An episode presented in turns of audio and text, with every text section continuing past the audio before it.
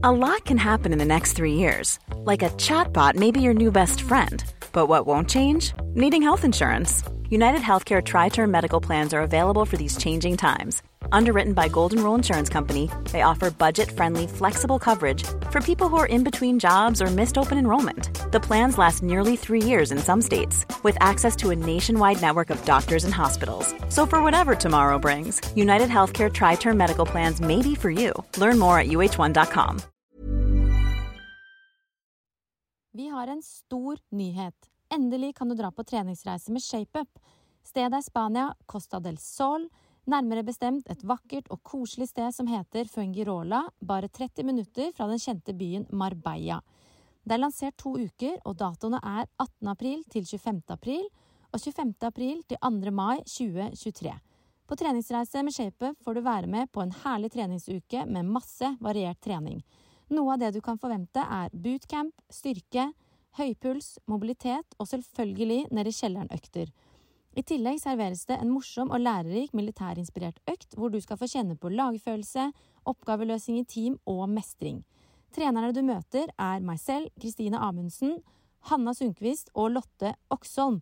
Dette blir en herlig treningsuke hvor du får sol på kroppen og svette treningsklær, men også masse tid til å gjøre akkurat det du vil. Kanskje vil du trene masse og ligge litt på solsenga, eller kanskje vil du ligge masse på solsenga og trene litt. Det er helt opp til deg. Reis sammen med flere, eller kom alene. ShapeUp-trenerne skal ta godt vare på deg, og når du reiser med ShapeUp, er vi én stor familie på tur. Pris for én uke er 13 490 kroner per person. Alle som reiser på treningsreise med ShapeUp, får egne leiligheter som ligger på stranda. De har dobbeltseng, stort bad, kjøkken og privat veranda med fantastisk utsikt mot havet. Du finner all info og link til påmelding på ShapeUp sin egen Instagram-profil ShapeUp Norge. Sjekk det ut, og bli med oss på tur! Hallo, alle sammen, og hjertelig velkommen til en ny episode av eh, Sporty mamma. Nå sitter jeg på kjøkkenet mitt og venter på at Katrine Collins skal eh, ramle inn døra her. Katrine er jo en kjent treningsprofil på Instagram med over 100 000 følgere. Det er ikke vanskelig å se at hun har en stor lidenskap for trening, og virkelig brenner for å inspirere damer til å ja, ha en fysisk aktiv livsstil, eh, både med trening, men også sånn enkel hverdagsaktivitet. Det som er så fint med det Katrine legger ut eh, på Instagram, er jo nettopp disse enkle treningsøktene som krever minimalt med utstyr, og som kan gjennomføres hvor som helst. Hun er også veldig flink til å vise ulike nivåer på vanskelighetsgrad, har jeg sett, på alle øktene sine. Og dette gjør jo at alle kan få til treningen, uavhengig av hva slags nivå man er på, da. Det er kjempebra. Og Katrine er jo en skikkelig sporty guttemamma, har to gutter, og har jo da naturligvis en nokså hektisk hverdag, både med jobb, trening og det å følge opp gutta sine på, på skole og i barnehage, og diverse fritidsaktiviteter på ettermiddagen og i helger. Det skal bli veldig spennende å høre hvordan hun eh, løser denne kabalen. Og vi skal også få tips fra Katrine når det kommer til trening i tidsklemma, for hun har jo tross alt skrevet en bok som heter nettopp Trening i tidsklemma. Så da er det jo naturlig at vi eh, snakker en del om det. Og tidsklemma er jo den store snakkisen blant alle sporty mamas, så vi kan jo ikke akkurat få nok tips på akkurat det. Og ellers i episoden så skal vi naturligvis også snakke om alt som opptar en sporty mamma. Eh, både når det kommer til kombinasjonen av jobb, familieliv, egentid, ja, og så videre. Så dette her blir kjempebra. Så hun banker sikkert snart på døra her, så da gjenstår det for meg aller først å få lagt lille Erik, som sitter og klager litt på sida her. Og så må jeg gjøre klar kaffen, og så ja, er vi på igjen. Så god lytt. Sporty mamma.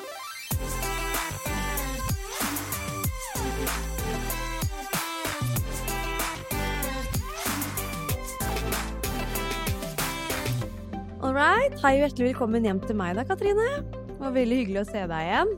Tusen Det er jo, Forrige gang vi var sammen, så var jo jeg høygravid, og vi lunsja sammen på Løkka. Jeg husker så godt at du var helt i ekstase for at jeg eh, skulle få en liten gutt. Ja. Og da Ja, jeg bare husker at du snakka så mye positivt om eh, det å være mamma, og ikke minst fødsel, og bare 'det er bare å gønne på', 'det kommer til å gå så bra', og Jeg husker bare jeg gikk ut, eh, gikk ut fra lunsj med sånn litt mer sånn lave skuldre og ja, følte liksom at ja, dette her skal jeg naile. Yes. Så der, der var du jækla god. Ja, så bra! Ja. Og det var jo målet også. Jeg vet jo åssen det er å, å ikke helt vite hva, hva som venter. Altså etter den kula på magen forsvinner. Så, så bra! Ja, ja, så det, det går bra med meg, da, kan du si. Hvis du lurte.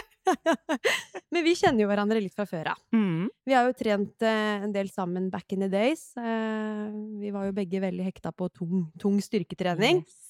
Da var liksom, ja, Det eneste det handla om da, var å løfte tungt i benkpress og knebøy og markløft. Mm. Eh, Du var jo en racer på chins og pullups. vi jobba en del med det også. Du jobbet mye med det. Jeg var, kom meg aldri helt opp der. Men uh, ja, jeg fulgte deg jo litt opp, jeg. Ja. Programmerte litt Du for deg og sånn. Du ble jo sinnssykt sterk. Så jeg tar litt av æren for det. Nei da, Det skal du. jeg tulla. Det Absolutt. alt til deg selv der, altså. Der var du veldig flink. Så vi, ja, vi var jo begge råsterke og syntes det var eh, Det var jo veldig motiverende og kult, da. Mm. Å trene på den måten. Men det krever jo kontinuitet over tid, og du skal ha tid til dette her. Du skal ha tid til å dra på gymmet gjerne hver dag, hvis du får til det. Og det, det blir jo litt vanskelig for eh, begge to nå.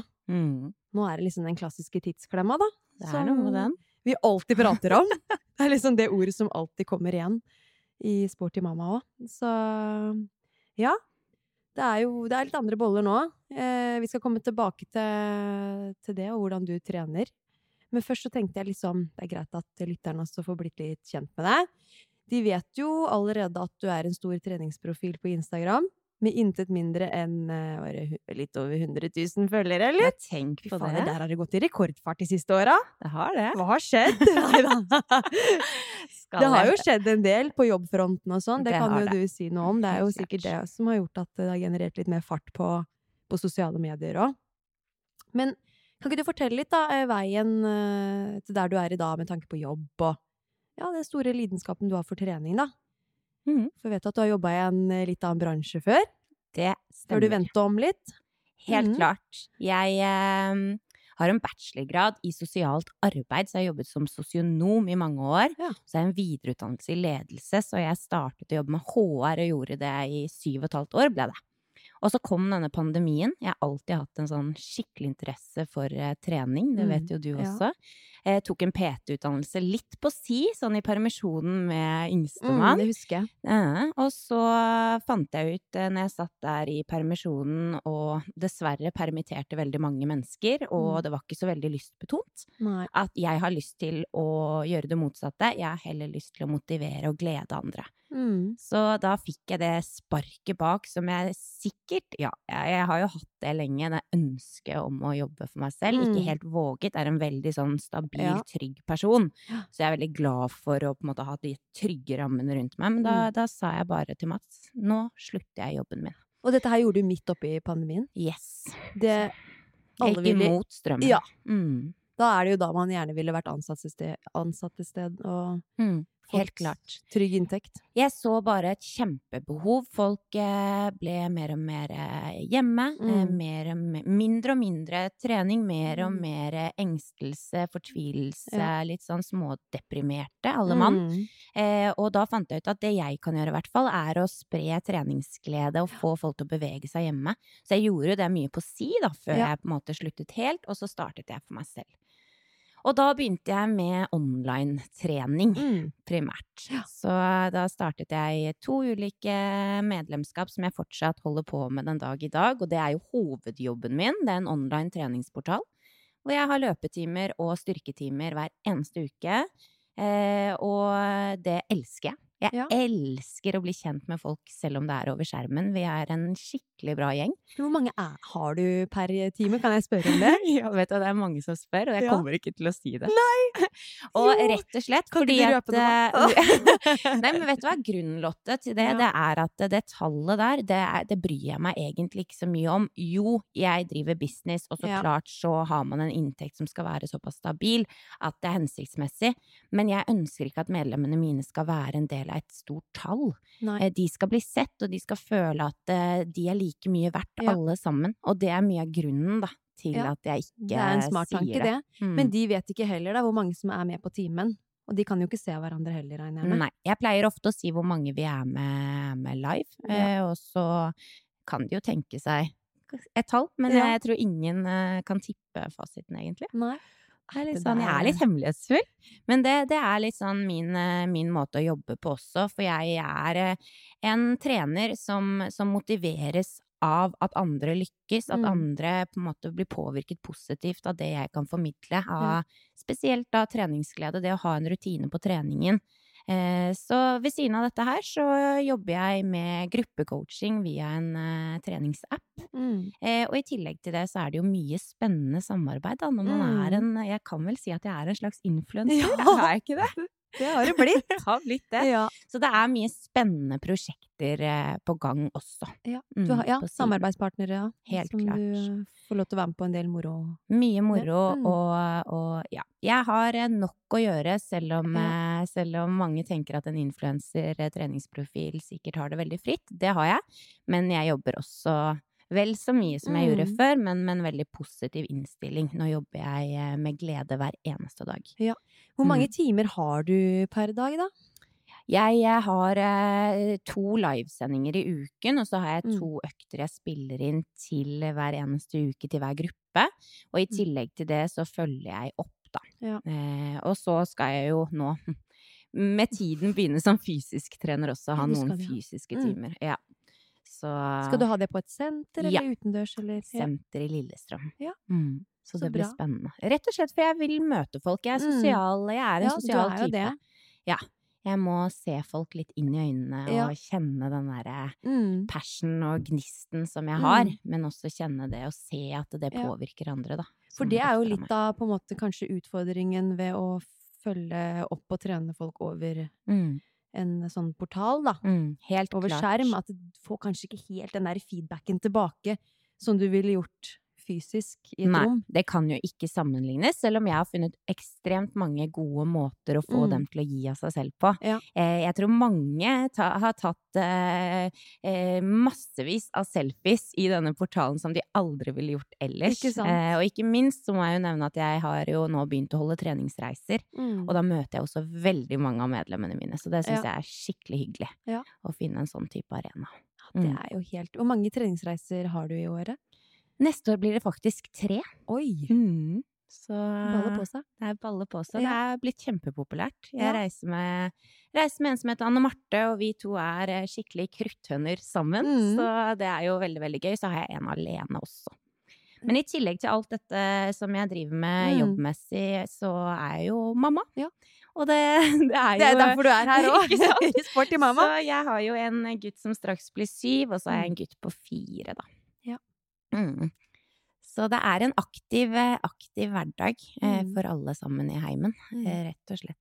Det er nok ikke alle som, kan, som vet at du har barn når de går inn på profilen din for første gang og ser igjennom, for du holder jo en rein treningsprofil. Mm. eh, Holder deg profesjonell sånn sett. Mm. Veldig mye Veldig lite annet, kall det fjas, da. Ja. Som ikke har noe mål og mening. Yes. Um, og hvis du Det har jo dukket opp et par bilder eh, langt ifra Mm. hvor du aktivt ikke har vist ansiktet på gutta dine og sånn. Mm. Så du, du har jo tydeligvis eh, valgt å, å kjøre den retninga at du ikke vil eksponere barna dine på sosiale medier, da. Det er riktig. Stemmer ikke det? Mm, det er riktig. Da jeg fikk min første i 2015, Mm, så var jeg bare overlykkelig og hadde lyst til å dele han med hele verden. naturligvis. Og jeg sa jo det til eh, samboeren min, eh, Mats, at det har jeg lyst til. Nå Mm. legger jeg ut dette bildet, se hvor søt han er der. Ja. Å, dette her blir kjempegøy å dele. Og han var veldig imot det. Mm. Eh, og han, er, han bryr seg ikke i det hele tatt om sosiale medier, Nei. sånn som meg. Vi er veldig forskjellige der, og det setter jeg stor pris på, Ja. faktisk. Men eh, da respekterte jeg hans eh, valg, Mm. og jeg er veldig, veldig takknemlig for det nå i Ja. ettertid, og spesielt nå som min eldste har begynt på skolen og går i andre klasse. Han har begynt å få en skikkelig personlighet. Han er en Mm. gutt. Jeg, jeg vil ikke at han skal bli gjenkjent eh, på måter han ikke kan kontrollere selv. Nei. Og det har vært eh, viktig for meg, og jeg får til og med spørsmål fra han Ja. på hvorfor jeg ikke vil ta bilder med dem eh, og legge ut Mm. og så videre. Og da, da sier jeg det at det har jeg Mm. lyst til at du skal være stor nok til å bestemme Mm. selv. Mm. Det, jeg regner med at han kommer til å sette pris på det når han kommer litt mer opp i alder og blir tenåring og sånn. Yes.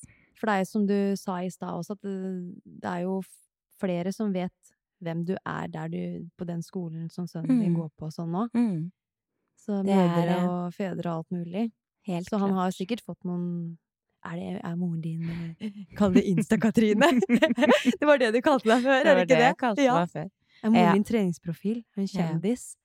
For det, er- det med tanke på antall følgere der, så det er jo Altså, er jo. Norge er jo et lite land, eh, og, og jeg bor i Lillestrøm, og det er en stor by, men det er ikke en så stor by. Folk Nei. kjenner hverandre, og, og Nei, vet du hva, jeg har ikke lyst til å sette barna mine eh, ved siden av meg eller foran meg for å fremme meg Nei. selv på noen måte. Folk må ta sitt eget valg, valg på akkurat det. Jeg vet jo Mm. at vi er veldig forskjellige der, men eh, jeg syns ikke mine barn har noe å gjøre på min profil, Nei. da. Men ja, vi er jo i hvert fall Jeg er jo tilhenger av det du, det du sier der, og Mm. ja, forstår det fullt og helt. Så det Sånn er det. Sånn er det. Men så skal vi snakke litt om dette med tidsklemma. Trening i tidsklemma. Eh, Det er jo alt annet enn ukjent for alle mødre der ute. Eh, Og det er jo åpenbart noe du selv har eh, opplevd i stor Mm. grad. Mm. I såpass stor grad, grad at du har valgt å, å faktisk skrive en bok om det. Det er helt riktig. Det heter vel nøyaktig 'Trening i tidsklemma'? det er også helt Så riktig. enkelt og greit. trening i tidsklemma, så har den undertittel 'Du får til det du vil'. Ja, ikke sant? Mm. Den klaffer. Den klaffer. ja, den selger! Ja, men det er jo kjempebra, da. Hva er det som Hva er det som gjorde at du kom opp med ideen om å skrive en eh, sånn bok, da? Jeg sto i tidsklemma, Ja. og fant ut eh, egentlig at måten jeg eh, trente på, måten jeg sjonglerte dette hektiske livet på, det fungerte. Eh, og det derre Det enkle er ofte det beste. Mm. det fungerer. Og det å senke kravene til seg selv og tenke at litt er bedre enn ingenting, eh, det ble så virkelig for meg. Ja. Eh, og det er det jeg føler folk kanskje ikke helt får til. Mm. Eh, at man tenker at ting skal være så stort, det skal Mm. være så flott, det skal være så fint. Men, men det er ikke det når du står oppe i et kaos. Og det å også sette av tid til seg selv Ja. oppi alt, det er kjempeviktig. Så det Mm. var dette som på en måte ble bakgrunnen for boken, å bare få Mm. det ned på papiret. Så boken omhandler veldig mye mentale verktøy for hvordan vi tenker, da. Hvordan vi klarer å sjonglere dagene våre, hvordan vi strukturerer, hvordan vi planlegger. For å kunne trene i det Ja. hele tatt. Ikke Ja, det er jo kjempeviktig. For det er som du sier, veldig mange som tenker at hvis ikke jeg får gjennomført x antall eh, styrkeøvelser på gymmet, så kan jeg bare drite Mm. i det, liksom. Ja. Eh, men sånn er det jo ikke. Sånn er det ikke. Og ikke tidsmessig, det skal vi sikkert snakke litt om etterpå også, men tidsmessig også en, en treningsøkt må ikke vare en time. Nei. Det må ikke vare 45 minutter heller. Nei. Ikke sant? Litt er bedre enn Ja. ingenting. Og det å Kan sjonglere det dele opp oppi øktene i løpet av en dag, og Helt det må være klart. varianter her. Yes, man må være ganske Det er ikke noe fasit. Nei. Man må være, man må være eh, ganske fleksibel eh, i forhold til hvordan dagen eh, og dagen er. Altså, Mm. ja, det er jo Du må jo liksom tenke annerledes enn det du gjorde før du fikk barn. Du må omstille deg. Den omstillingsevnen er jo veldig viktig. Tenke nytt. Og bare forstå at sånn er det nå. Det er en, akkurat det. for en Mm. tid. For en tid. Og så må Mm. man bare ta det man får der. Yes. Og tenke at det er greit. Ja. Ikke sant? Det er Ja. greit her og nå, for jeg har tatt et valg. Jeg har, øns jeg har Mm. hatt et ønske om å bli mamma. Ikke sant? Jeg har blitt mamma for en gave. Eh, og da får man ikke til Nei. alt som Da man blir det vanskelig å strekke til på andre arenaer. Absolutt. Sånn er det Mm. bare. Vi er ikke noe Ja, det er jo menneskelig egenskap å ikke være rå overalt. Du, Yes. hvis du hele tida skal etterstrebe å være den beste på alt du gjør, mm. alle arenaer du er på, da går det fort eh, Det går Da blir det fort for mye, altså. Ja. Nei, så det er veldig fint at du skrev en sånn bok, da. Mhm. Eh, Da må jeg jo spørre deg som neste spørsmål. Hva, hva er liksom dine fem beste tips til å få til trening da, i tidsklemma? Åh, det å sette ned til fem Ja. tips okay, gi meg litt sånn, flere okay. tips, da. Det er greit. Nei, men vi kan ta, vi kan ta fem, fem Ja. tips. Og det første jeg tenker da, da er hvorfor skal du trene? Mm. Hva gir det deg å Ja. trene? Og det spørsmålet tror jeg ikke folk stiller seg nok. Eh, man tenker gjerne at trening er et ork, det, Mm. er, det krever masse, det er slitsomt, det er Mm. tungt. Ja, det er det også, Men hva annet gir det deg? Ja. Det, er jo, det må jo finnes en grunn til at du skal sette av tid til å trene. Så det er det første. Mm. Hvorfor? Eh, og det andre, det må planlegges. Ja. Er det hektisk, så får du ikke til å få inn en halvtime, time uten at du har planlagt det. Nei. Så det er også min, eh, på en måte eh, Jeg vet ikke om jeg kan si at det gjør jeg hver eneste uke, men jeg prøver å få det til hver Mm. uke. Jeg setter meg ned og planlegger uken. Når skal jeg trene? Når Mm. skal jeg hente? Når skal jeg levere? Når skal jeg gjøre ditt og datt? Mm. Eh, og så følger jeg den planen så Ja. lenge det går. Ja. Så det å planlegge det, da er det også vanskeligere å Skippe ikke det. gjøre det. Yes. Mm. Og så må man prioritere det. Ja. For det handler jo om at vi har en prioriteringsliste som er gigantisk hver eneste dag, og hvis man egentlig tenker over det, tenk hvor mye du skal gjøre på en dag. Hjemme, ikke Mm. minst når etter man får barn. Rydding og matlaging og Mm. vasking og vasking av klær. Det er så mye greier hele tiden. Du skal gjerne gjøre flere ting samtidig òg. Samtidig òg. Altså, det, det er ting hele tiden. Men Mm. da må trening opp på den lista. Rett og slett. Og så ville jeg senket kravene. Eh, eller det, det er på en måte også mitt tips. Senk Mm. kravene til deg selv. 15 minutter er mer enn bra nok Mm. eh, den dagen. Ja. Er det det du får til? Får du til en tur istedenfor en treningsøkt den dagen? Ikke grav deg ned. Ok, Nei. kjempebra, jeg fikk til en tur. Ja. Senk kravene til deg selv, og ikke Mm. grav deg ned. Eh, for, eh, for livet skjer. Ja. Og det siste, siste jeg egentlig vil eh, da fokusere på, eller eh, på en måte tipse om kanskje, som jeg har eh, bitt meg merke i, det er Mm. å liksom fokusere på det man får til. Mm. Det man mestrer, det som jeg syns er gøy, det som motiverer meg, det som gir meg energi. Mm. Og, og det gjelder trening. Altså, ikke kjør på med en treningsøkt du syns er bånn i bøtta, Nei. for det gir deg ingenting etterpå Nei. heller. Kjør på med noe du har lyst til, og noe som gir deg Mm. energi, for det handler om så mye, da. Ok, kropp er én del av treningen, Mm. men hodet, det Ja. er også kjempeviktig for hodet. Ja, du du gjør det jo for å få litt egentid òg, og få tankene over på noe annet. Og da skal det jo være en positive tanker du som går i hodet ditt da, på Ja. trening. Mm. Ellers så vil du jo tappe deg for krefter istedenfor å gi deg krefter. Nettopp. Så Så det, det er stor forskjell, altså. Mhm. Men alle har jo kjent på en dårlig treningsøkt sjøl. Eller før. Jeg har jo kjent på det veldig mange ganger. Jeg går for å, å trene og få en god økt, og så blir det ikke det. Av ulike årsaker. Mm. Men da handler det om å prøve å glemme det, da. Yes. Drit nå det. Gå på Drit videre. det. Ja, det er akkurat Gjort det. er gjort. Ikke tenk så mye over det. Og vi må jo ha de dagene også, for å Mm. få de der eh, gode Ja. dagene og den godfølelsen. Ja, ja, ja. Mm. Så absolutt. Men hvordan motiverer du deg da til trening i tidsklemma? Jeg vet hva det gir meg. Det er Ja. litt sånn eh, tilbake til det der med å senke kravene, og jeg, jeg er helt avhengig av det. Mm. Jeg eh, blir så glad når jeg får satt av tid til meg selv. Mm. Jeg blir så glad når jeg tenker over hva jeg gjør for helsa mi, for kroppen min, for hodet mitt. Ja. Det at jeg bare kan fokusere på det jeg skal gjøre der og da, føler meg litt sånn powerful. Mm. Eh, og om det er en løpeøkt, eller om det er en styrkeøkt, eller noe midt imellom, så lenge det gir meg en sånn herre godfølelse. Ja. Og det er det som motiverer meg egentlig til å Mm. holde det i gang. Og så er det jo selvfølgelig nå som man blir jo eldre. Altså jeg nærmer meg 40 år, Lotte. Mm. Ja. Tiden flyr! det er ganske vilt, da. Og det å, å eh, ta vare på helsen sin, det motiverer meg også. Jeg har lyst til å være Mm. den mammaen som er med på alt i Mm. mange, mange år til. Jeg skal være, løpe raskere enn de gutta Ja. mine i flere år til. Ikke sant? Og det er også noe som Skal eh, få bryne seg på deg, meg. De skal det. På alle fysiske tester og Ingen skal slå mamma. Ingen skal slå mamma. Nei, Nei, men, eh, men eh, fra spøk til alvor så handler Ja. det jo om på en måte det å kunne også følge barna sine tett, da. Ja. Eh, I aktivitetsnivå. Mm. Ja, altså sånn, det må jo Kan jo være en motivasjon i seg sjøl, og det, det Mhm. bør jo holde. Mm. Ikke sant? Men det gjør dessverre ikke det for alle, vet du.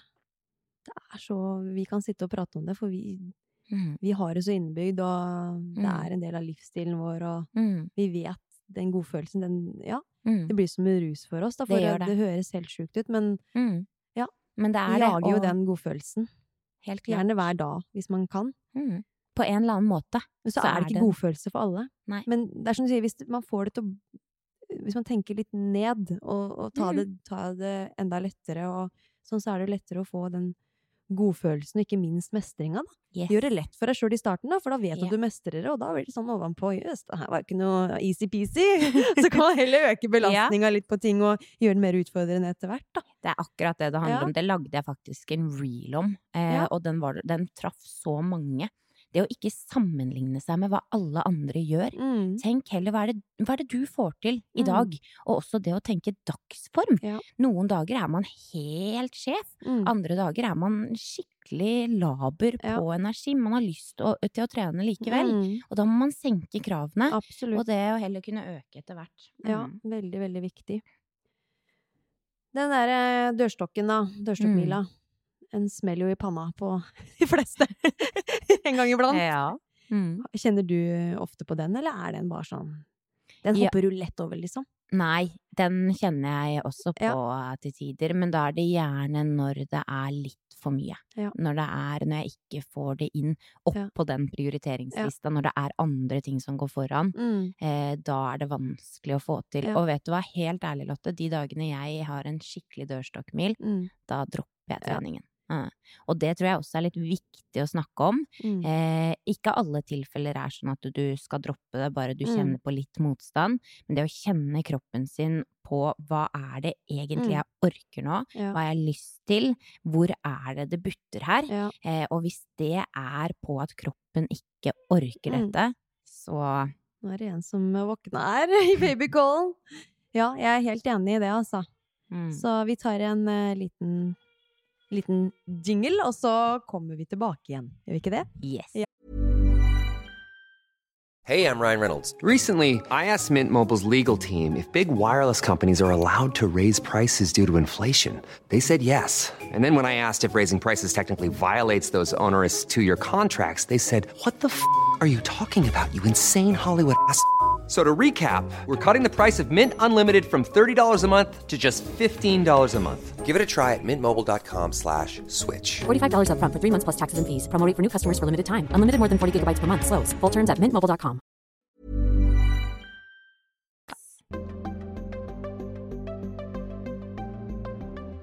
Det var dette med dørstokkmila vi var inne på, var det ikke det? Yes. Da kan du fortsette med det du skulle si, Katrine. Nei, det er vel oppsummert at man må kjenne på rett og slett om det er vilja, Ja. eller om det er kroppen som sier ifra. Mm. Mm. Og de gangene det er vilja, så angrer man aldri når man Nei. kommer i gang. Nei, nei, nei. nei. Mm. Det, det smaker ekstra godt når man har klart å hoppe over den, den høye dørstokken. Helt for å si det sånn. Men det å forplikte seg til det, det å, å si fra til noen eh, på mandag klokken Mm. fem skal jeg trene, eh, ikke sant, det gjør at du, du Det sitter litt lenger Ja. inne å droppe det. Og avlyse da. Yes. Så Det- si det høyt. Ha en avtale. Mm. Det er nok eh, løsningen. Mm. Og det er som du også sier, at hvis du har veldig mye Hvis det koker litt i hodet, da, Mm. eh, den dagen, og du kjenner at det da tappa deg for mye eh, av krefter, all den Mm. jobben du gjør, Mm. at du da velger å droppe trening. Fordi at det å gå på trening da kanskje ikke gjør at du får klarna huet, det Mm. bare Mm. kverner på det du skulle gjort av jobb, og du klarer ikke å legge jobb ved sida av deg og fokusere på trening av godfølelsen, så da, da koster det enda mer enn det smaker, og hva får man ut av det, på en måte, da? Nettopp. Og det å komme seg kanskje da ut på en, bare en tur. Mm. Det å ikke tenke enten-eller, men ok, hva kan jeg gjøre som jeg har lyst til Ja. akkurat nå? Kan jeg ta med deg en venninne og gå en tur istedenfor? Bare det bevegelse, det, det gjør mye. Ja. Også på de dagene. Men det er Ja. kanskje ikke da du orker å ta en tøff Nei, treningsøkt. da er liksom ikke mentaliteten på plass til å gønne på Nei. med en tøff økt. Så man må ta det litt uh, ut fra det, ja. Mm. Mm. Det er veldig viktig. Eh, vi skal gå litt videre her, da. Mm. Eh, jeg lurer jo litt på hvordan du trener om dagen, da. Hvordan treningsuka di ser sånn cirka ut? Du vet hva, den er så variert. Ja. Eh, og vi to eh, møttes jo under eh, andre omstendigheter, Lotte, Mm. da vi trente tung styrke og hadde massevis av tid. Mm. Den tiden er forbi for Ja. min del. Jeg har ingen spesifikke mål med treningen min, annet enn at jeg vil ha det gøy, Ja. jeg vil lufte hodet, Mm. jeg vil eh, ta vare på kroppen Ja. min. Og så er det jo alltid gøy å sjekke tiden på løpeturen, eller hvor mange pushups man klarer, men, men det er ikke hovedmotivasjonen min. Så jeg eh, har jo mye trening via jobb. Mm. Jeg eh, spiller inn mye økter og har mye livesendinger, så det Mm. blir en to, kanskje tre løpeøkter hvis jeg Mm. får til en egenøkt i uken. Ja. Eh, og så blir det i alle fall en to-tre styrkeøkter. Eh, I Mm. Uken. Så jeg ligger på alt fra fire til syv Mm. dager i uken, alt ettersom, rett og slett. Ja.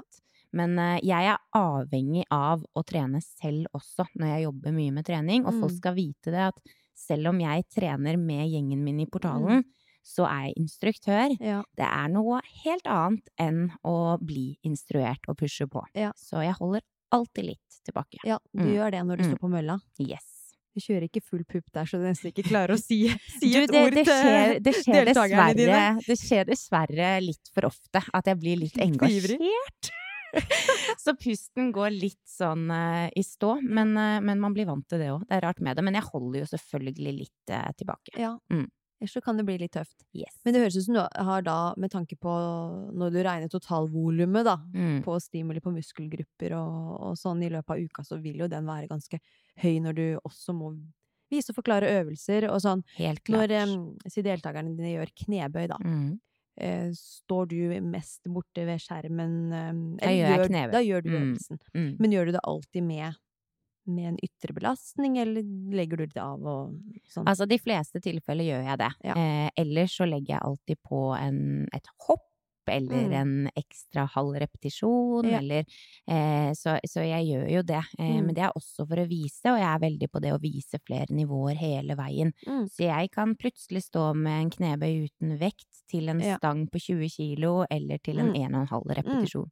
Så det kommer helt, eh, helt eh, an på. Så er det jo noe med det at eh, kroppen min er veldig godt vant med mye trening. Ja. Eh, og det må man også ha litt i, i bakhodet. Eh, men den derre egentiden jeg har på Mm. trening, den er, den er helt avhengig av. Ja. Så nå har jeg begynt å trene litt sånn, litt sånn miksøkter, jeg, med Ja. mye, mye fart og lite pauser og Ja. kort tid. Ja. Mm. Så det Litt det. sånn type crossfit-inspirert òg, da. Tenk at det skulle bli en sånn. Ja. Jeg har jo hele tiden sagt at jeg ikke skal trene crossfit, Ja. men eh, det har det begynt å bli litt. Gå litt mer over til Mm. litt sånn så fort det blir sånn hybridøkter med utholdenhet og Mm. styrke og eksplosivitet og ja. Så en god, en god variasjon. Mm. Absolutt. Og noen ganger så trener jeg eh, i gåsetegn kun de øktene i portalen, hvis, Mm. eh, hvis det er sånn. Det blir denne uken. Men du har ditt eget treningsrom hjemme. Et gammelt gjesterom jeg har gjort til Hva har du av Mm. utstyr der, da? Du har mølle, vet jeg. Mm. Jeg har mølle, så jeg har hantler, stang Mm. og rack. Ja. Benk. Jeg har egentlig det meste du trenger. Du Mm. kan løfte tungt, liksom, mm. i alle Mm. øvelser. Det kan jeg. Eller er det noe begrensende i antall kilo du har av um, Hvis, eh, hvis jeg ville løftet tungt, så Ja, kan kan, jeg absolutt det. Ja. Men vet du hva, helt ærlig så gjør jeg ikke det om dagen. Nei. Eh, Det er sjeldent jeg trener skikkelig tungt Ja. eh, og tar meg helt ut med lange pauser. Det motiverer meg ikke akkurat nå. Eh, Så det holder på en måte med Mm. kettlebells og, Ja. og vekter. Mm. Ja, når målet bare er å holde seg som en sprek og sporty mamma, så er det Da gjør du jo det du Mm. Da må du bare holde det sånn som du Ja. Og det tenker jeg er litt viktig å, å nevne også, at man må ikke alltid ha et spesifikt Nei. mål med treningen. Man må ikke bli så og så sterk, eller løfte så og så mye, eller løpe på en viss tid. Og det, det fronter jeg veldig ofte i Mm. mine kanaler. Noen ganger så holder det bare å ha et mål om å trene x antall økter i uken, og så er det kjempebra. Mm. Så, så tenk liksom over målet ditt også, er mitt Mm. tips. Hva, hva er det du ønsker å oppnå med treningen? Og hvis du ikke ønsker å oppnå noe annet enn å bare holde deg i form, Ja. så er det målet i seg selv. Mm. Mm. Og for mange så kan jo et eh, objektivt ytre mål eh, være litt sånn stressende. Yeah. Og sånn føles som en sånn evig jag, da. Yeah. Som kan gjøre at treninga blir sånn åh, alt annet enn lystbetont. Mm. Så det er verdt å tenke over det. Altså hvor viktig er det å sette seg et objektivt målbart mål? Mm. Det er ikke for alle. Det er ikke for alle. Og det var for meg før, men Mm. ikke nå lenger. Nei. Nå er jeg liksom mer opptatt av å bare være en sprek mamma og Mm.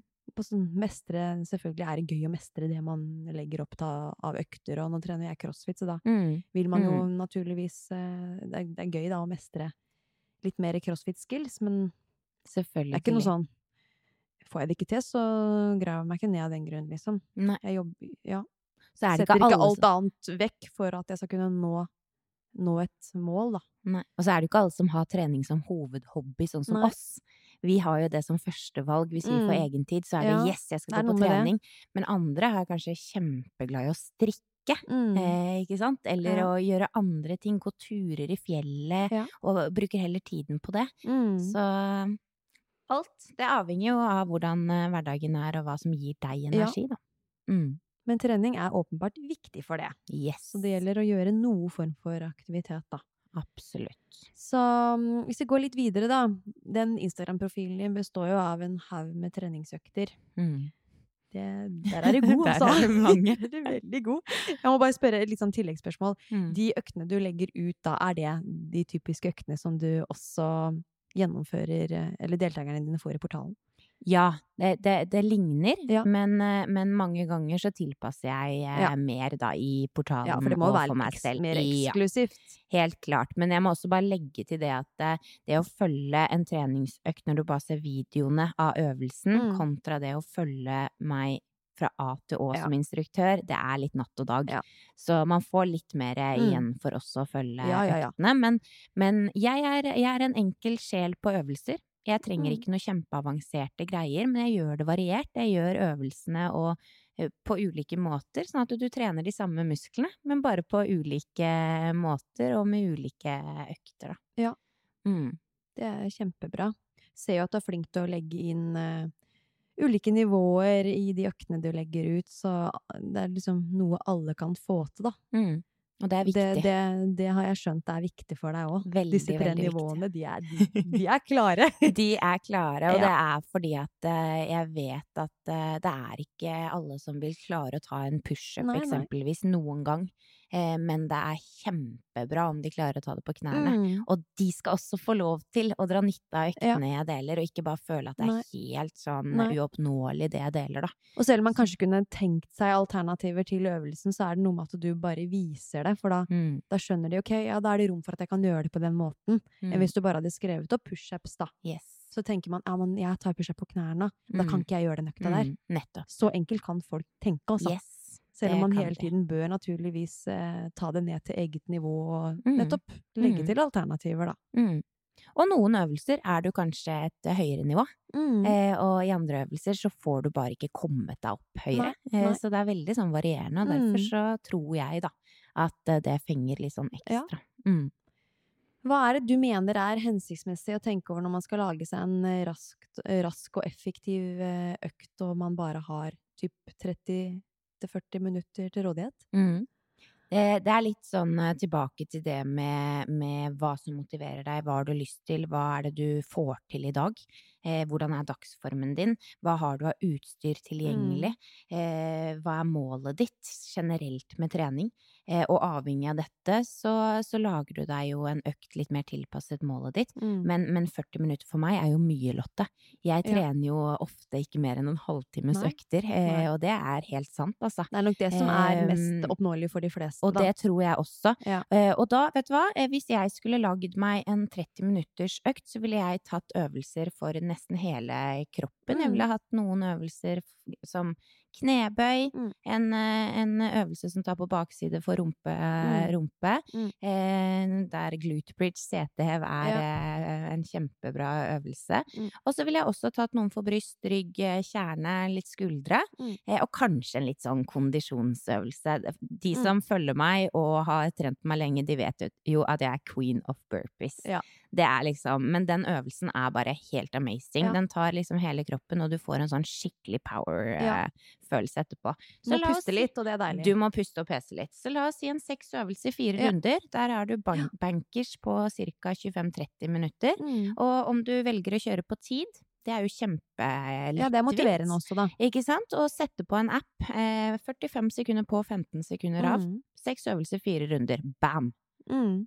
Og, og har du ikke utstyr, kjør på uten utstyr. Mm. Jeg lover deg at uh, de 45 sekundene de blir lange etter hvert, Ja. selv når du bare kjører uh, uten utstyr. Ja. Mm. Vi vet jo det, pushups er jo Nei. 45 sekunder pushups. Da ligger du langflat etterpå, så. Det er tungt, Ja, så du kan det. gjøre det ganske tungt også. Så Mm. bruk det du har tilgjengelig, men igjen, planlegg Ja. dette her, sånn at du, eh, du vet at ok, på torsdag så har jeg 30 minutter. Mm. Jeg, det høres jo helt crazy ut å planlegge så langt frem i tid, 30 minutter, men noen ganger så må man Ja. faktisk gjøre det Mm. for å få det gjort. Mm. Og jeg vet ikke hvor mange ganger jeg har satt maten i ovnen, satt 30 minutter på, eller 20 minutter, og kjørt samtidig som maten det, ja. står i ovnen. Ja, Mm. for det har rett og slett ikke vært rom for trening på andre måter.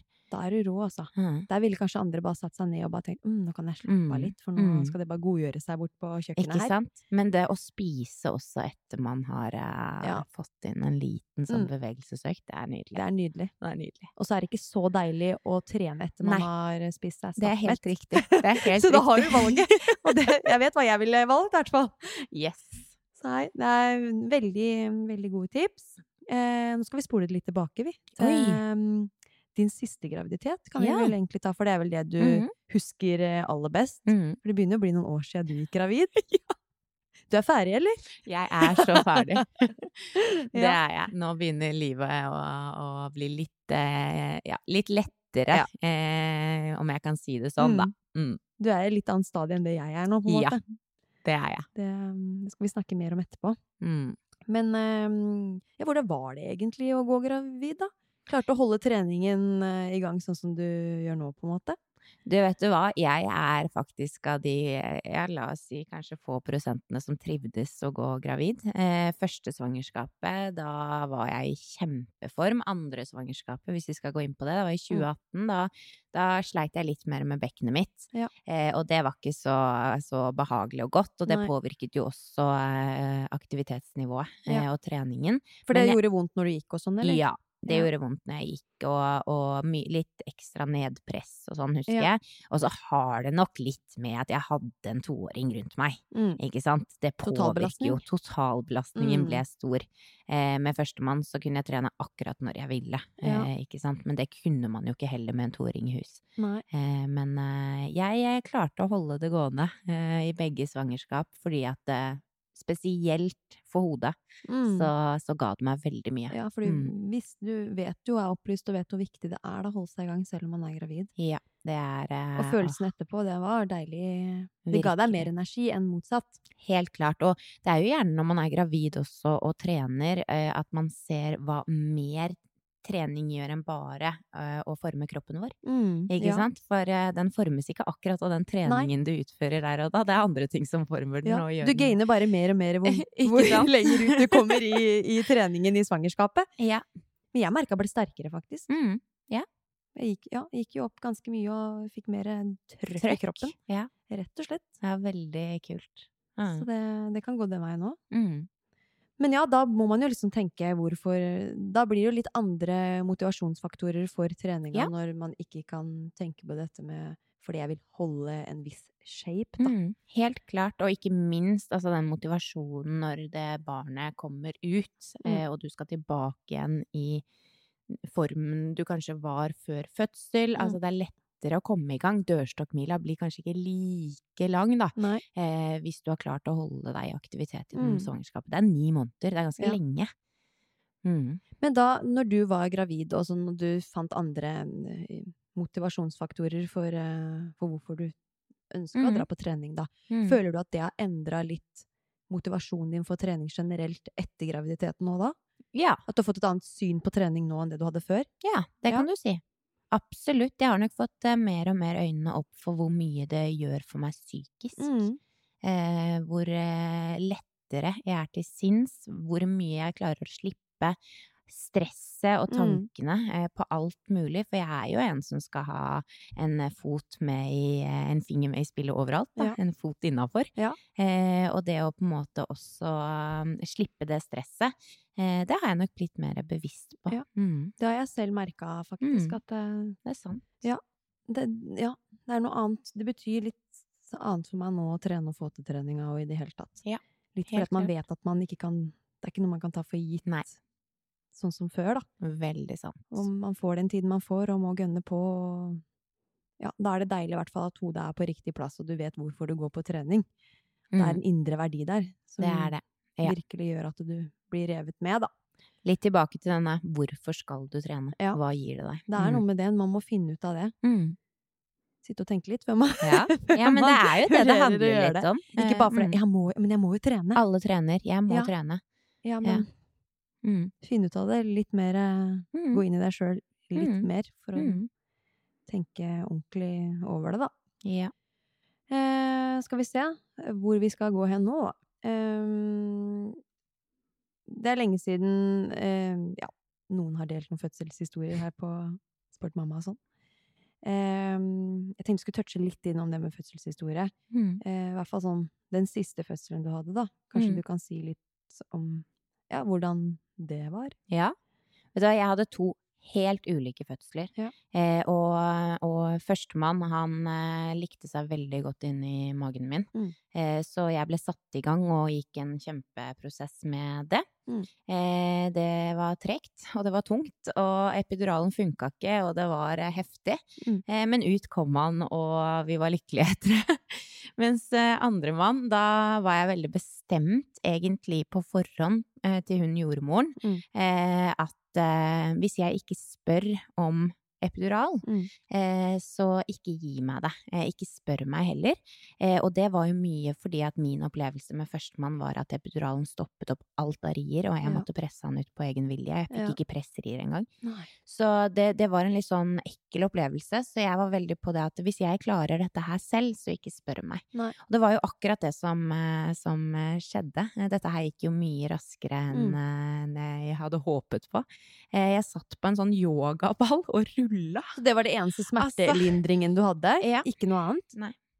Fader, Jeg, eh, ja, men jeg tror også det. Jeg hadde vært gjennom det før. Jeg, jeg, kjente kjente på en måte kroppen min. Mm. Jeg kjente pusten min. Ja. jeg, kan ikke si jeg hadde kontroll, det har man Nei. ikke under en fødsel. Men jeg, vet ikke. Had, jeg var trygg i meg selv, da. Ja. På at eh, fader, jeg klarte jo virkelig det forrige gang. Da klarer Mm. jeg det nå også. Ja. Det visste jeg, så jeg hadde den roen i meg. Mm. Eh, men jeg, satt mye på den ballen, og, og det gjorde at ungen kom ned, altså. Skrudde seg nedover. Han ville ned, være med ned, og ja, ja, ja, Mats spilte alle disse mulige sangene hvor jeg satt og rynka, og jeg husker, jeg husker det skikkelig godt. Mm. Jeg fikk lystgass, forresten. Det gjorde jeg. Ja. Når jeg tenker meg om. Det fikk jeg Var det ikke med første. da, eller? Ja, vet du hva, da ble jeg kvalm, ja. og, Mm. og, men, men etter eller, hvert så var det liksom helt greit. Men det var ikke noe sånn at det, det tenker jeg var revolusjonerende. Det var Nei. ikke noe sånn Nei.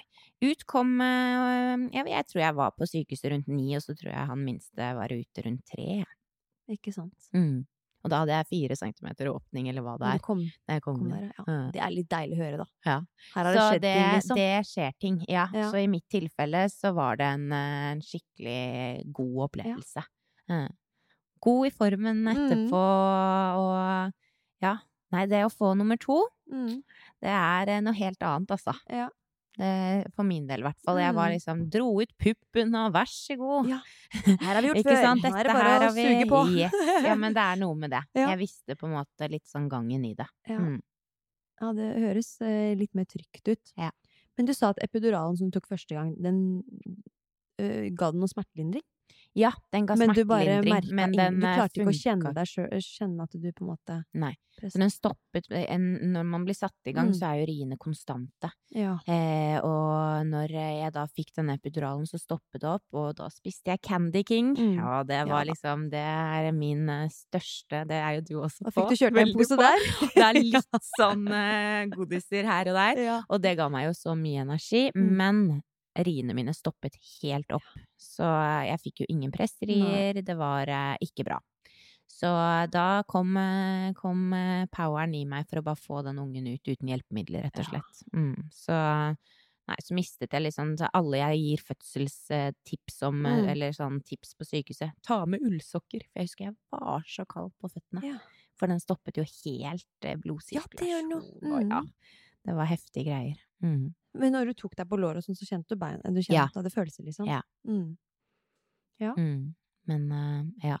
Fødsel, det er interessante greier. Ja. Jeg tror aldri man kan forberede Man kan jo ikke det. Man kan Nei. jo ikke forberede seg, men mentalt så kan man på en måte forberede seg, uh, Ja. har jeg merket, da. Ja. Mm.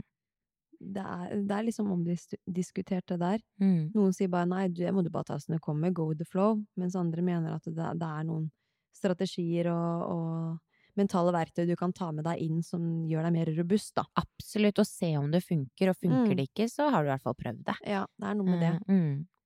Jeg, jeg, ja, jeg tror jeg kommer til å gjøre det Mm. hvis jeg får muligheten igjen, da. Mm. Vet jo aldri. Nei, det gjør man ikke. Nei. Men uh, tiden etter fødsel, Mm. når er du starta sånn med innarbeiding av rutiner og sånn? Og var det noen spesielle rutiner som var ekstra i fokus fra start? Husker du noe av det, liksom? Altså med babyen, Ja. hvordan jeg eh, var sånn, Jeg si at hjem, veldig mye mer laidback med, med lillebror, altså. Ja. Altså, med nummer én så var jeg skikkelig hønemor. Mm. Eh, og ville ha kontroll på alt. Mm. Lillebror, han bare føyk med. Men det var så sykt varmt den sommeren. Mm. Det var 2018, det var over 30 grader ute. Jeg vet ikke om du husker det, men det husker jo jeg selvfølgelig Mm. kjempegodt. Jeg husker bare at vi måtte ned og sove i kjelleren, jeg og han, og Ja. det, var, det, var, det ble litt sånn rar start. Ja. Men, eh, men eh, jeg prøvde virkelig å få inn den der leggerutinen ganske kvikt. Ja. for min egen eh, del, og Mats sin del, Mm. og storebror sin del, og Mm. hele pakka. Eh, men eh, det er liksom begrenset hva du får inn av rutine de første månedene. Ja, nei, det flyter jo ganske greit. Men Det igjen, da, så prøver man liksom å strekke til i hvert fall noen form for rutine. I hvert fall hvis Ja. man er litt rutinemenneske, som jeg vet at du er. Ja. Jeg merka med meg selv at det ble veldig mye sånn fokus på okay, hvordan skal jeg skape min rutine, og så får liksom babyen Ja. flyte litt her og der, og så får jeg få han inn i litt rutiner også etter hvert. Yes, Og og vil det, gjerne ha de. Det skjer nok litt eh, mer ja. automatisk når du får Ja. en til, Ja, fordi du har en fra før. ja Mm. ikke sant? Mm. Så han ble rett og slett med på lasset, han. Ja. Og eh, har ikke tatt noe skade av det. Nei. Men da var det soving som var liksom det viktigste Ja. først, da, når du mye. sto opp og Jeg Ja, bysset jo, eller vi drev Ja. og bysset han først i søvn. Han var helt avhengig av det, å sovne på puppen og mm. Det var bare no go med Ja. nestemann. Eh, og også det å ikke gi opp å gi smokk. Mm. For eh, Mini, han eh, tok Eller førstemann tok Mm. ikke smokk før han eh, var åtte måneder. Nei, ikke sant? Ja, og da bare var det liksom natt og dag. Ja. Eh, og Minien, han fikk ei smokk etter fem måneder. Ja. Eh, og det var egentlig Det var liksom mitt mål, fordi at jeg så Mm. At det gjorde Det ga meg litt Ja. mer ro, da, som Mm. som eh, mamma. Det er Mm. mange det som ikke ja, som sliter med å få de til å ta smokk, da. Ja. Det var jo sånn med Erik òg. Han spytta ut smokken til å begynne med. Jeg ga meg faen meg ikke. Nei, Den smokken skal den skal inn. Ja. Og nå har han jo så mye glede av den, da. Yes. Er han litt sutrete nå, så er jeg bare rett inn, og så er, det fred å få. Ah, ja. Det er veldig deilig. Og natta og sånn òg. Eh, så er det jo fantastisk å bare ha den smokken som man kan kjøre rett inn. Så absolutt. Eh, og så blir man jo så, så blir man jo mer på en måte kanskje litt mer robust for den eh, gråten. Ikke det at man ikke trøster, nå skal jeg ikke si det i det hele tatt, Nei, men, nei, men man, ikke sant, man Mm. tåler kanskje litt mer da enn Mm. man eh, gjorde med førstemann. Ja, Ja. vi snakker om gråt. Ja. Nå hadde, når jeg byssa han i søvn for, for litt siden. Nå er han våken igjen. Jeg busser enda, bare så det er sagt. ja, ja. ja. I, Men det, i dy, dyna. ja, eh, det er jo helt magisk for de. De elsker det jo, så jeg Ja, skjønner ja, det. ja. Men Mhm. det ja, må jo avvenne det etter hvert, da. Mm. Kan du ikke drive sånn til du er ti år gammel, Erik? Nå tror jeg jeg må hente den, jeg, fordi han Gjør det. Gjør ligger det. våken i senga. Så da får vi ta en pause igjen. Det gjør Så er vi tilbake. Sånn etter hvert da, som rutinene ble innkjørt hjemme, eh, hvordan så da en typisk dag ut for deg i mammaperm, da med tanke på aktivitet og henting i barnehagen? Nå snakker jeg da om når du var i an mammaperm for andre gang. Ja. Eh, og det å lage middag og legging av barn og sånn. Husker du noe av det, eller? Ja, vet du hva, jeg var veldig aktiv sammen med Mini, jeg. Jeg tok han med mye ut i vogna. Jeg Ja. gikk ekstremt mye tur, både med og uten vektvest. Mm. Etter hvert så begynte jeg jo å løpe litt smått, Mm. eh, gjerne når han sov, for å slå to fluer i en smekk. Jeg syntes det var nydelig. Han kunne også ligge ved siden av meg hvis jeg kjørte styrketrening Mm. på, på gulvet. Så jeg fikk gjerne inn en treningsøkt en tre-fire ganger i uken, Ja. fordi at det gjorde meg veldig godt. Ja. Eh, og ikke minst så er det jo, er det jo å eh, planlegge middagene. Mm. At jeg handlet eh, gjerne for flere middager av gangen, og Mm. lagde vippestol, forgudet jeg, husker jeg. Ja. Eh, satt og koste seg og lekte i den Mm. vippestolen mens jeg gjorde mye forskjellig. Og litt sånn, vi er gode på multitasking. Ja. Eh, ikke sant? Gjøre det litt sånn eh, Litt her, litt der, få Mm. det inn. Og så var det ikke noe avanserte middager. Nei. Jeg gjorde det superenkelt, mm. og det funket. Ja, du fikk ikke Mats til å gjøre det, altså mannen din. Han hadde så mye med sitt, vet du, Ja. med jobb og det ene med Han det kom hjem til og- dekka bord, han. Ja, han er ganske heldig der, altså. Han høres sånn ut, altså. Ja. Jeg får Martin til å lage middager nå. Oh. Jeg har hatt Erik en hel dag, for han kom hjem og lagde den middagen. ja, Altså. men det skjønner jeg. Det skjønner jeg. ja. Mm. Blir jo litt sliten òg, da. Det gjør man. Men det kunne ofte være at uh, han kom hjem, og så kunne jeg stå og lage middagen i Mm. fred, for eksempel. Eller gå Ja. og hente eldstemann alene. Mm. Uh, men jeg er jo heldig som bor såpass nærme barnehage mm. at jeg kan gå til barnehagen, så jeg Mm. fikk på en måte det som en turaktivitet. Ja. For det er jo ikke bare treningen uh, som er viktig å prioritere, det er jo hele aktiviteten gjennom dagen. Ja, ja, ja. Mm, Hverdagsaktiviteten er jo absolutt. viktigst i starten, sånn sett. Mm. Men hvor lenge venta du med å starte med sånn typisk trening? Eh, hvordan gikk du fram da for å få tilbake gamle Katrine? Mhm. Det stresset jeg svært lite med, Ja. eh, og det, det mener jeg helt oppriktig. Eh, det kom veldig sånn av seg selv etter Mm. hvert. Eh, og også etter at jeg hadde vært gravid en gang før. Jeg visste at kroppen min, den kommer tilbake, den. Mm. Eh, om det tar lengre tid eller ikke denne gangen, det vet jeg ikke, men mm. den kommer tilbake, og Ja. det er en trygghet litt sånn det òg. Mm. Eh, og jeg er jo veldig for det at får du en rutine på treningen og holder deg i gang, så får du eh, kroppen som en bonus Ja, på, ikke nettopp det. Eh, den, den blir med, den. Eh, Så jeg valgte å ikke fokusere så mye på det, men eh, jeg startet å gå turer veldig Mm. tidlig, for det kjentes veldig greit. Jeg er veldig sånn som kjenner etter på kroppen min, kjenner kroppen min godt. Men styrketrening, det ventet jeg med til seks uker, og Mm. sår og diverse hadde Ja. grodd. Ja. Så der var jeg veldig Innenfor sånn anbefalingen, da. Ja, der var jeg veldig tydelig med meg selv. Men hva med dette med bekkenet ditt, for det var jo litt Krangla du jo litt med Ja. helt til slutten der.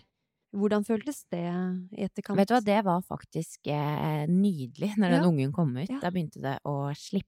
Så første året så var det egentlig ganske greit. Jeg tok det Mm. forholdsvis med ro. Ja. Men eh, 2019, det året etter, da hadde jeg et mål om å løpe halvmaraton. Mm. Jeg løp veldig mye eh, og syntes det var kjempegøy. Og begynte endelig å, å kjenne en sånn der mestring igjen på Mm. løpingen. For Ja. det mister man jo gjerne litt når man går gravid. Ja. Eh, og da fikk jeg en skikkelig låsning. Ja. Så da kranglet det igjen. Så da fikk jeg ikke løpt det maratonet. Og Nei. det har faktisk gjort at jeg ikke har våget ennå å løpe igjen. Mm, for det, det er et eller annet der som Åh, ikke er så helt kjedelig det er når man bygger seg opp og øker volum, og så kjenner man at kroppen responderer, og så plutselig så smeller det. Så smeller det så Renner begeret over. Ja.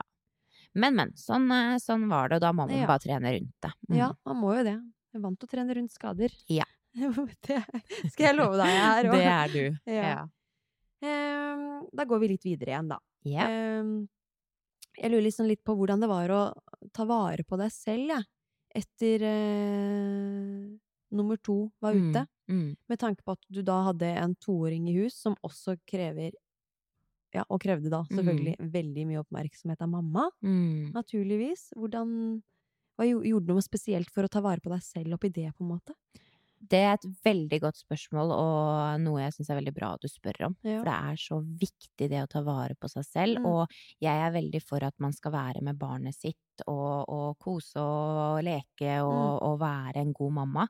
Men man trenger også litt tid alene, Ja. og det var jeg veldig bevisst på fra start. Jeg har vært eh, veldig ærlig med min samboer om det, og Mm. han vet også at jeg har hatt et behov for det, og har gitt meg de såkalte pausene Mm. eh, jeg har trengt. Eh, noen ganger så kunne det bare være at han tok barna på morgenen, og at jeg fikk sove lenger. Andre ganger så kunne det være at jeg tok meg bare en gåtur på kvelden eh, etter barna var lagt, for Mm. å på en måte samle meg litt. Men eh, det var også det at jeg eh, kunne dra på ting. Eh, å bare være Katrine, Ja. eh, og ikke være mamma. Møte venninner eh, som før, selv om det ikke ble like lenge, selvfølgelig, med en eh, baby. Eh, så var det veldig, veldig viktig for meg. Mm. Eh, og også det å på en måte bare være tydelig på at det er helt greit det også å ha behov for egentid. Mm. Eh, og det er jo gjerne det man savner aller mest man blir Mm. mamma, og så er det litt sånn tabu å si det også, for man har jo blitt mamma. Det er jo Ja. det mest fantastiske i verden, og ja, det er det. Men, men mitt syn på det var at jeg kunne ikke være en fantastisk mamma med masse Nei. glede og energi hvis ikke jeg fikk kjenne litt på at jeg var noe annet enn bare mamma Ikke sant? også. Man må Mm. få litt avbrekk fra det. Ja. Og så er det vanskelig iblant, fordi man fort kan føle på en dårlig samvittighet, da. Ja.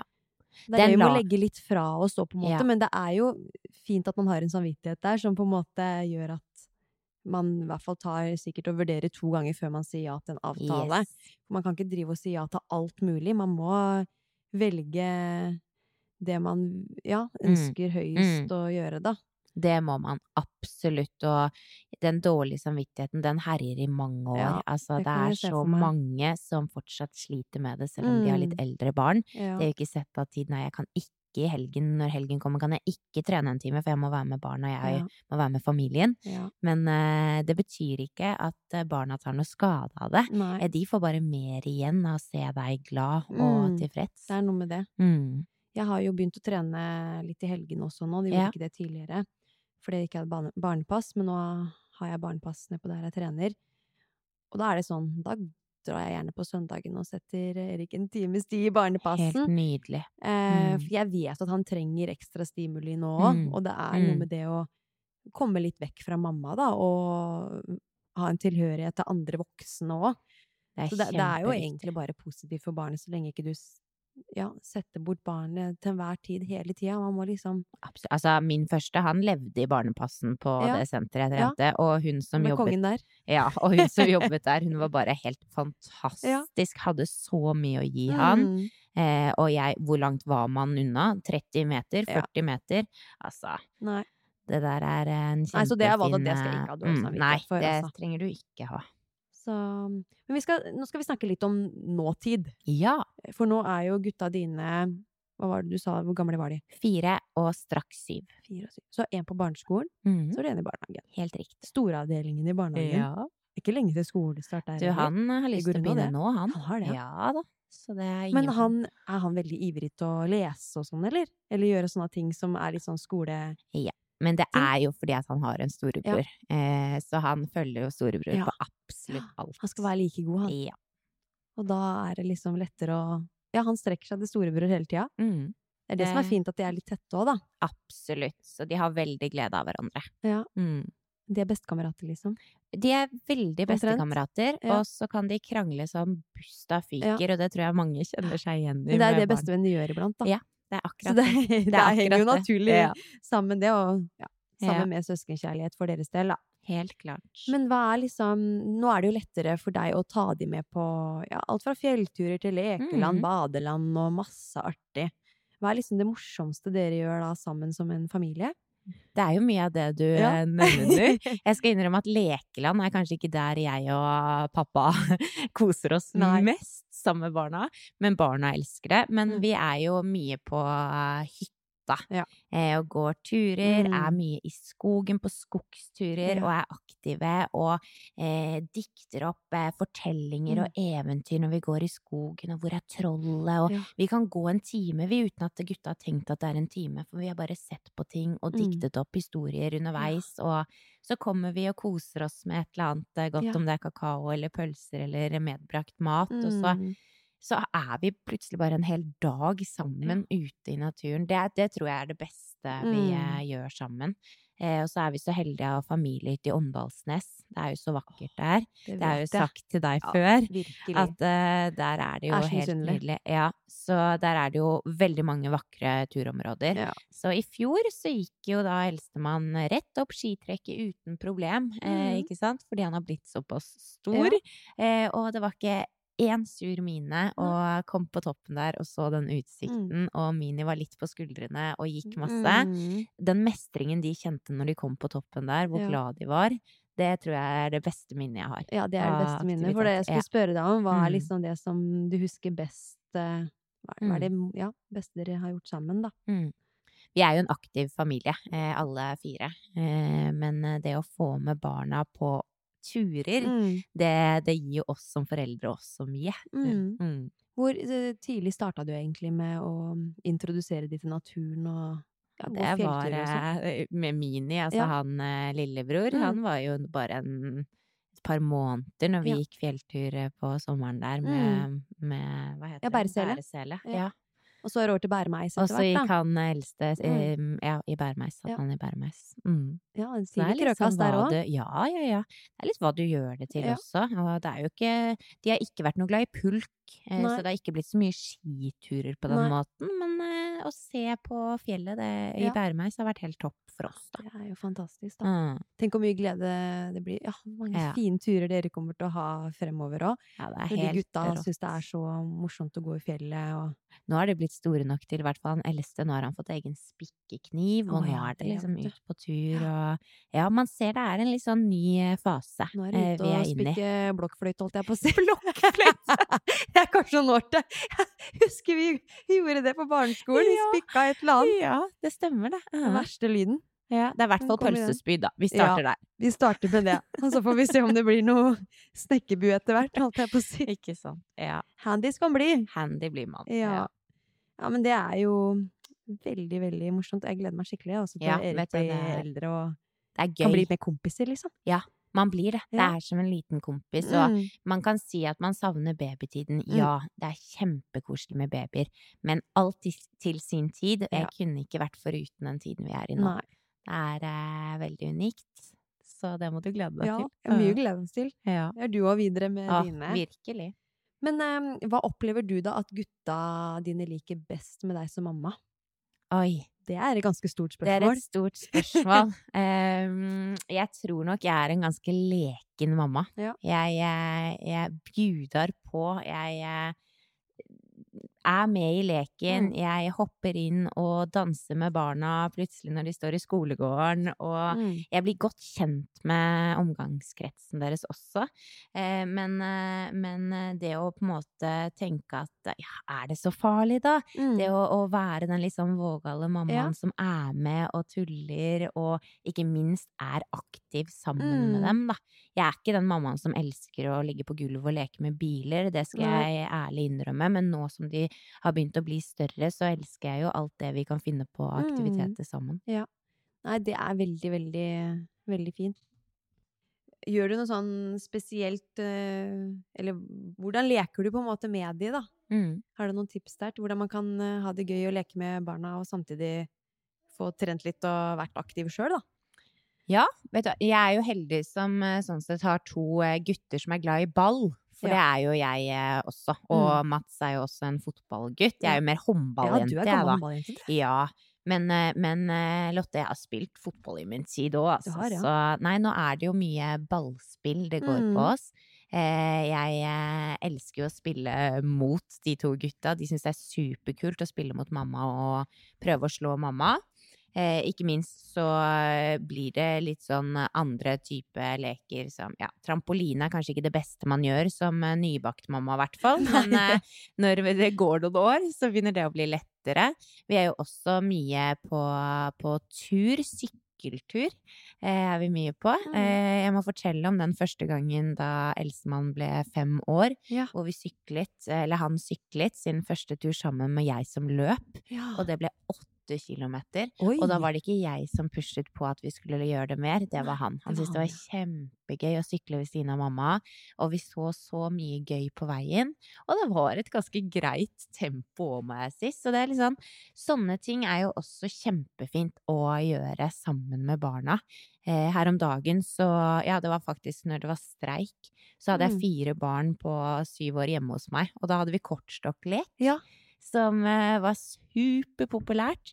Med litt sånn ulike øvelser man gjør, da, ut ut ja. fra hva slags kort man trekker plukke, og sånn. da skal du plukke Mm. kort, og så skal du løpe tilbake og prøve å samle flest Ja, mulig den er kort. klassisk. Den er Ja. veldig bra, da. Veldig morsomt. Så det er liksom hva du gjør til hinderløyper. Ja. Kjempemorsomt. Mm. Eh, ja, så det er eh, kubb. Eh, Ikke Det er mange, mange måter å være aktiv på. Så når du når lek, Jeg vet ikke hvor mye de leker på lekeplassen lenger. ja, De gjør kanskje det. I hvert fall han på fire år gjør det. Ja. Det er jo høydepunktet, sikkert. Absolutt. Eh, gjør, for nå er jo han i barnehagen og får mye stimuli der. Men Mm. så er de hjemme og spiser middag, regner jeg med, og så blir det kanskje en runde til ute for Ja. å få ut enda mer energi, da. Gutta har jo det behovet. Ja. Eh, De ser ikke, ser ikke hvorfor vi skal sette oss i sofaen etter middag. Eh, Det og det å møte bra. dem på det, det er jo kjempe, Mm. kjempeviktig. Så vi er på lekeplassen, og jeg klatrer opp og ned, og Ja. noen ganger så bare går jeg rundt omkring også, Ja. mens de leker. Så hvis Mm. ikke du hadde fått Du veldig gjerne skulle fått gjennomført en økt da, da når de leker, så kan du egentlig det. Yes. Det har jeg gjort flere ganger, Ja. faktisk. Da har jeg sagt nå skal mamma trene, er det noe viktig, bare kom. Jeg er her, dere kan leke der. Nå Ja. kan dere leke med Lego eller ute, Mm. eller hva det måtte være. Og jeg får inn en Ja. eh, god økt. Og de er liksom vant til at det gjør mamma. Mm. Vi sitter og trener på sida her mens vi leker litt og sånn. sånn. Jeg er hun Det er jo en rutine Barn er jo lett å få inn i rutine, sant? Så lenge de ser mamma er aktiv og gjør sin greie, så, så viser man jo eh, på en måte, Da får jo mamma litt egentid òg. Ja, Absolutt. ikke sant, Erik? Erik sitter ved siden av eh, oss her nå. Å, du er veldig flink. Ja da. Ja, nei, og så er det noe med det å snakke med barna om det også. Jeg forteller hvorfor mamma og pappa setter av tid til å trene. Mm. Hvorfor, eh, hvorfor trener vi før vi gjør noen aktiviteter i helgen? Vi står Ja. jo opp litt tidligere i helgen for å få en treningsøkt begge to. Mm. Det er hva gutta er vant til, og de ser at vi blir veldig glad av å trene og være i aktivitet. Ja, Mm. men det er veldig, veldig bra. Men sånn avslutningsvis, Katrine, har du noen eh, tips til noen konkrete øvelser man kan gjøre på lekeplassen mens barna styrer med sitt? Vet du hva? Det er faktisk laget en egen reel på. Det Eh, ja. Så hvis du går inn på Instagram-profilen min, så Ja. står det spesifikt øvelser du kan gjøre på lekeplass. Ja. Men her kan du ta i bruk husken, det er masse benker tilgjengelig, det er Mm. mye klatring. Ja. Den dumphuska, dumphuska Mm. heter det vel, Ja. det tar skikkelig forsidelår. Så her må man bare bruke fantasien, rett Gjør du noe sånn bulgarsk på den, eller? Hopper opp og ned. Du går jo helt ned i 90-graderen Ja, hver gang. Mm. Ja, det er heftige greier. Du kan leke deg i form, rett og kan slett, rett på og en slett lekeplass. leke deg i form, og Ja. ungene elsker å være med. De syns det er Selvfølgelig. Plutselig er mamma så leken, og ja, det er jo så Ikke minst er man et godt forbilde når man gjør det på den måten, og viser at man er leken sånn som du gjør, og Absolutt. Vet du hva, jeg ser så mange, og meg selv inkludert, eh, visse dager. Altså, jeg skal Ja. ikke si noe annet med foreldre som sitter klistra i telefonen Ja. på lekeplass. mm, Vær heller litt aktiv med barna. Ja. Du får så mye igjen for det. Ja, Mm. virkelig utnytt det og være litt i bevegelse sjøl. Mm, helt klart. Jeg tror det var det vi rakk, jeg. Så da mm, Veldig koselig at du ville komme hit for en sporty prat. Takk for at jeg fikk komme. Det syns jeg var skikkelig hyggelig. Ja, det er jo en verdifull tid du bruker her, da. Du Men- prioriterer jo hvem du ønsker å, hva du ønsker å bruke tiden din på. Ja. Så den, at det at du har sett, satt meg så høyt i dag, det setter jeg veldig stor pris på. Ja, men det var veldig Ja. hyggelig å se deg, se Erik, og ikke minst prate til mange sporty mammaer der ute, for vi er helt rå, Ja, hele det er gjengen. vi virkelig. Så hvis dere ønsker å mm, sjekke litt ut uh, hva Katrine har på, på Instagram, da, for det er jo utallige mange økter her, finner masse inspirasjon, så er det eh, ikke Insta-Katrine, det er gammel Det er eh, gammel bruker. bruker. Jeg måtte bli litt mer proff. Det er Ja. Katrine Collins. Ja. Katrine uten H. Ja, Så da er bare å gå inn der og finne fram eh, masse moro, og bli inspirert og kjøre på. Yes. Og så ja, takker vi for i dag. Eh, se at det er mye man kan gjøre selv om man har store barn også. Så det er ikke noe unnskyldning for å starte med aktivitet litt seinere. Absolutt Man må ikke. planlegge, det er nøkkelen. Og ikke minst finne ut av hvorfor man nettopp skal trene og bør trene. Ja, Erik, mamma kommer nå, så da avslutter vi. Og takker for i dag. Ha det bra! Sporty mamma.